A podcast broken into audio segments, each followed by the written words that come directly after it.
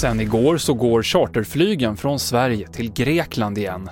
Grekland har ändrat reserestriktionerna fram och tillbaka flera gånger när det gäller svenskar och charterbolagen säger att man är beredda på snabba förändringar. Som researrangör så får vi informationen väldigt snabbt om någonting skulle hända och då tar vi action eh, omedelbart beroende på vad det är för, för, för direktiv eller restriktioner som, som kommer då. Det sa Linda Netterström på researrangören TUI.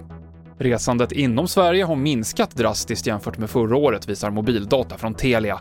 Fjällresor är ett undantag. Resorna från Stockholm till Härjedalen och Åre har ökat med 18 respektive 34 procent jämfört med förra sommaren. Och busschaufförer är en yrkesgrupp som har blivit drabbade hårt av coronasmitta och många är oroliga för att alkolåsen ska göra att man blir smittad. I Norge har man tagit bort alkolåskravet under pandemin, men bussförarnas arbetsgivare i Stockholm säger till SVT att om man blåser med eget munstycke och följer övriga instruktioner så kan man känna sig säker. TV4-nyheterna med Mikael Klintevall.